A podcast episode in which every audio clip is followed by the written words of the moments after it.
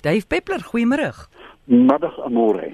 Iemand vra hier, Dave, help. Hoe raak ek ontslaaf van bye op 'n vriendelike manier sonder om hulle dood te maak? Hulle is in my skoorsteen.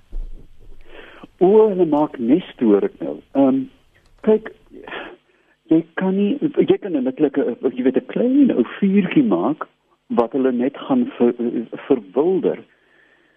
Die beste is om 'n byeboer te kry of die bye whisperer van jou omgewing om om die nes te kom uithaal.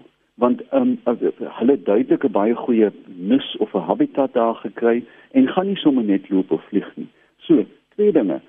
As jy jou buurman se probleem wil maak, maak 'n bitter klein vuurtjie, moenie nie helse ding daar maak dat die bye almal vrek nie. Jy weet net 'n rookie en hulle bye soos jy weet hou nie van rook nie en hulle sal dan uiteraard wegtrek, maar dan word dit dalk iemand anders se probleem. So die antwoord is om dalk uh, die naaste byeboer te kontak. Goed, ons neem 'n oproep. Charlotte, goeiemôre. Uh middag Amorey. Yes. Jy kom maar praat. Middag Amorey, middag Duif. Middag. Ek het so rukkie terug met jou gesels oor die bosbok wat hier by ons aanland en ons voer hom gereeld appels en pere en so 'n bietjie uh patat. Ek onthou. Ek wil net graag weet, uh, sal sal hy dalk lucerne eet? Want ek wil nou nie hele balusering koop en hy eet dit nie. Ek luister, mooi dag daar. Kan ek gou weet dat jy darm vir my naam? O, oh, daar gat hy. Jammer, Dave. Jafta. Jaf, o, het gesê Jafta? Nee nee, ek het dit nou net. Kyk.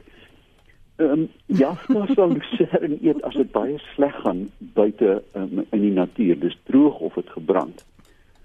Verkieslik sal Jafta dan ook vars lucerne eet ek sou dink dat die die die die aangewese ding is om 'n handjie vol by iemand te kry en eers te toets en nie 'n baal te hmm. koop nie want lucerne is baie duur.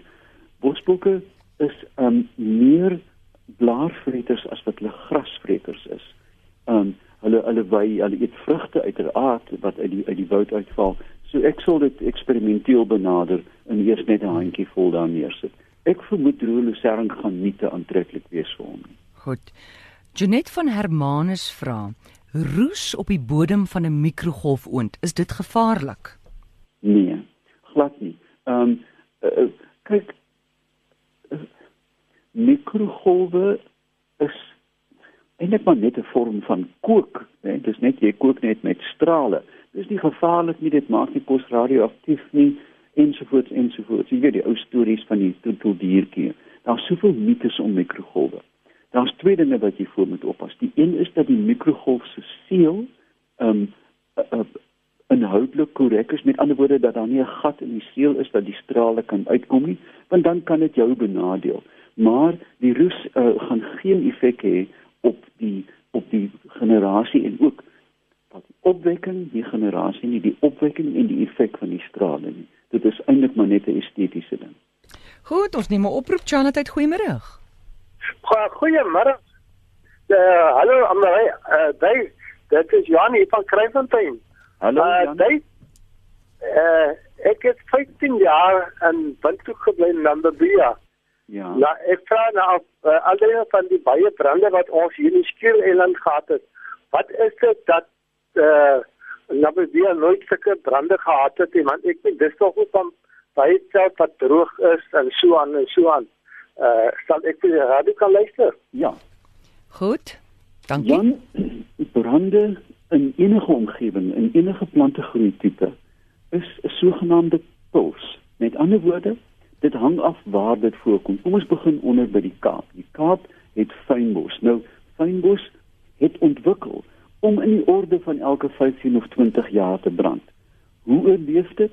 Eerstens, ehm um, stade word vrygelaat na 'n brand of hulle loop uit of hulle bolplante. Met ander woorde al al daai drie forme is beskerm, die een onder die grond, die een beskerm sy saad en die ander een loop uit.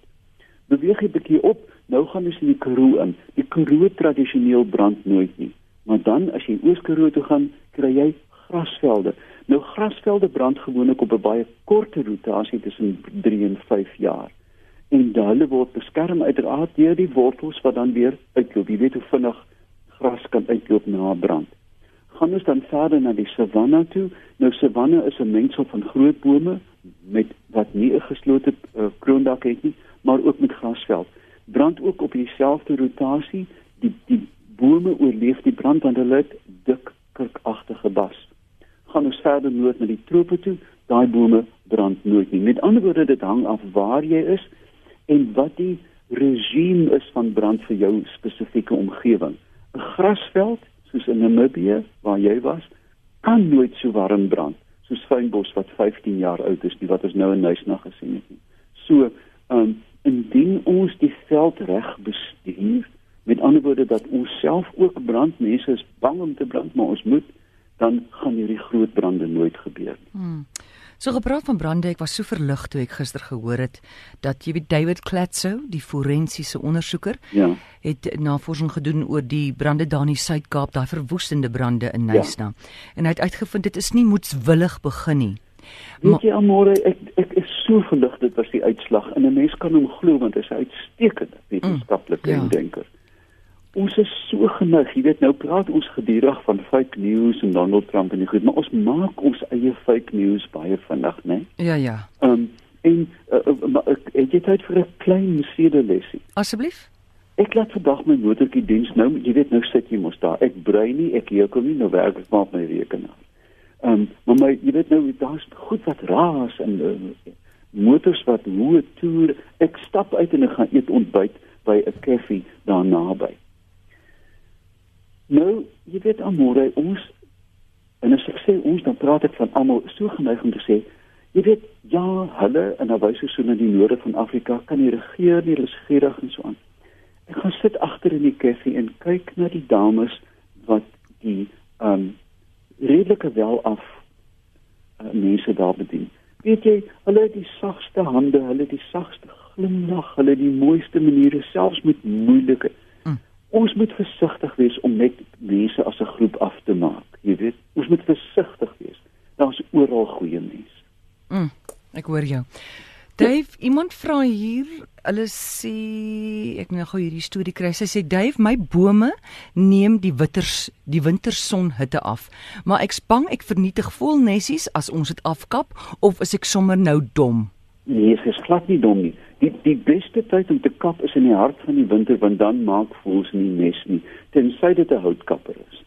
So ek sou dan sommer nie net voor die voet afkap nie. Ek sou sterk snoei.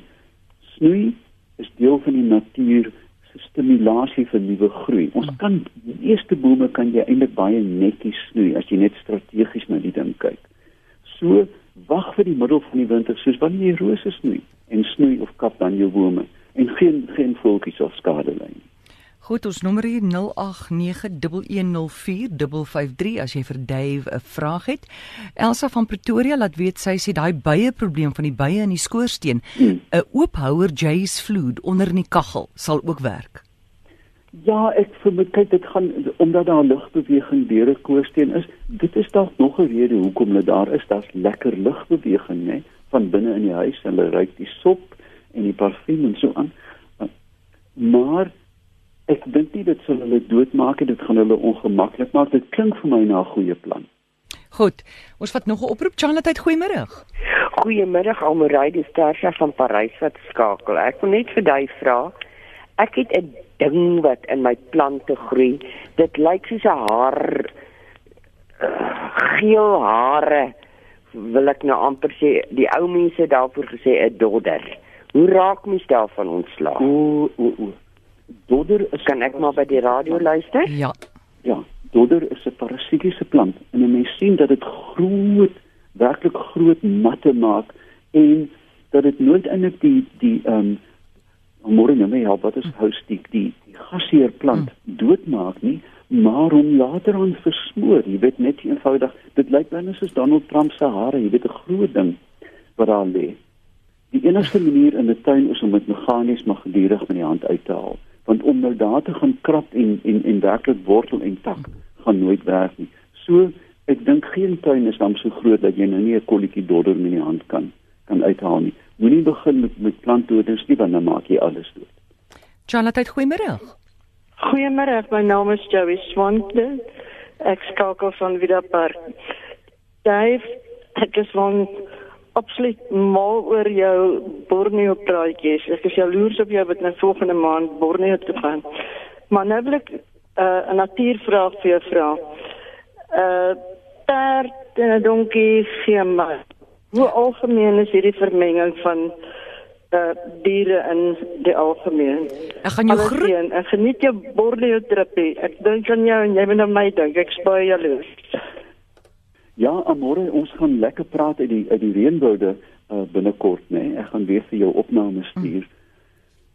Die vermenging van spesies in die natuur is nie algemeen uh om 'n eenvoudige rede en dit is dat onversteurde diere met ander woorde vrylopende diere in die natuur het baie fyn uitgekapte nisse met ander woorde hulle voedingsnis hulle paringsnis hulle uh, wegkruipnis hulle migrasienis is baie duidelik uitgestel in die natuur hierdie vermenging kom uh eintlik by twee gevalle voor. Die een is waar 'n mens die diere kunsmatig bymekaar hou, tier en leeu, dan kry jy mos die sogenaamde liger, ehm um, donkie en perd uh, waar jy muile produseer, maar ek dink as jy die diere keuses gaan gee en vrye keuse gaan dit byna nooit gebeur nie. Die tweede plek waar dit moontlik mag gebeur is waar naverwante spesies se uh, verspreiding oor vleuel of aan mekaar raak en op daai raakvlak uh, is daar dan soms verbastering. Uh, maar dink byvoorbeeld aan visse in die see, jy gaan nie 'n galjoen kry wat skielik sê my magtig wat 'n oulike willepertjie ek moet daar gaan kuier. Dan hulle, hulle doen hulle eie ding nie verstaan en hulle voorkeure en voedselvoorkeure en wegkruip en so aan skei hulle van mekaar. Soveel kritisie teen gays sê kyk na die natuur, jy kry dit nie in die natuur nie. Kry mens onder plant en dier? Ja, natuurlik, dit is baie algemeen om om gay gedragsforme by baie diere, selfs weet met 'n wye keuse van seksuele voorkeur met mannetjies en wyfies volop. Nou, um, ek dink dit môre ons kan dalk eendag net daaroor praat dat die um, mense sê nou ja, jy glo aan Darwin, hoekom het gays wat dan geen funksie het nie uitgesterf nie? Nou ja, daar's baie interessante teorieë, maar nou begin die wetenskap dit vir ons baie duidelik uitspel dat daar 'n genetiese geneigtheid is daar, maar binne die helix van die DNA sit hierdie geneigtheid baie na aan vroulike fertiliteit en dis hoekom dit gemaskeer is. Maar nog meer, 'n mens sal weet uit eie ondervinding dat die gedragsvoordeel van gays is dat hulle gewoonlik en jy moet ook in die natuur besondere goeie oppassers is van hulle ouers. En ehm um, en daarom het hulle dan ook 'n seleksie voorkeur dat dit nie deur seleksie uitgekam word nie. Ek dink ons moet krities na die wetenskap kyk voor ons dit um, sommer uit die vuis verdoen. Hm, dis interessant. Dankie Dave en ons kan jou kry op jou Facebookblad. Ja, ek is besig om onheilighede daar te pos gaan kyk. Wonderlik. Dis Dave Peppler.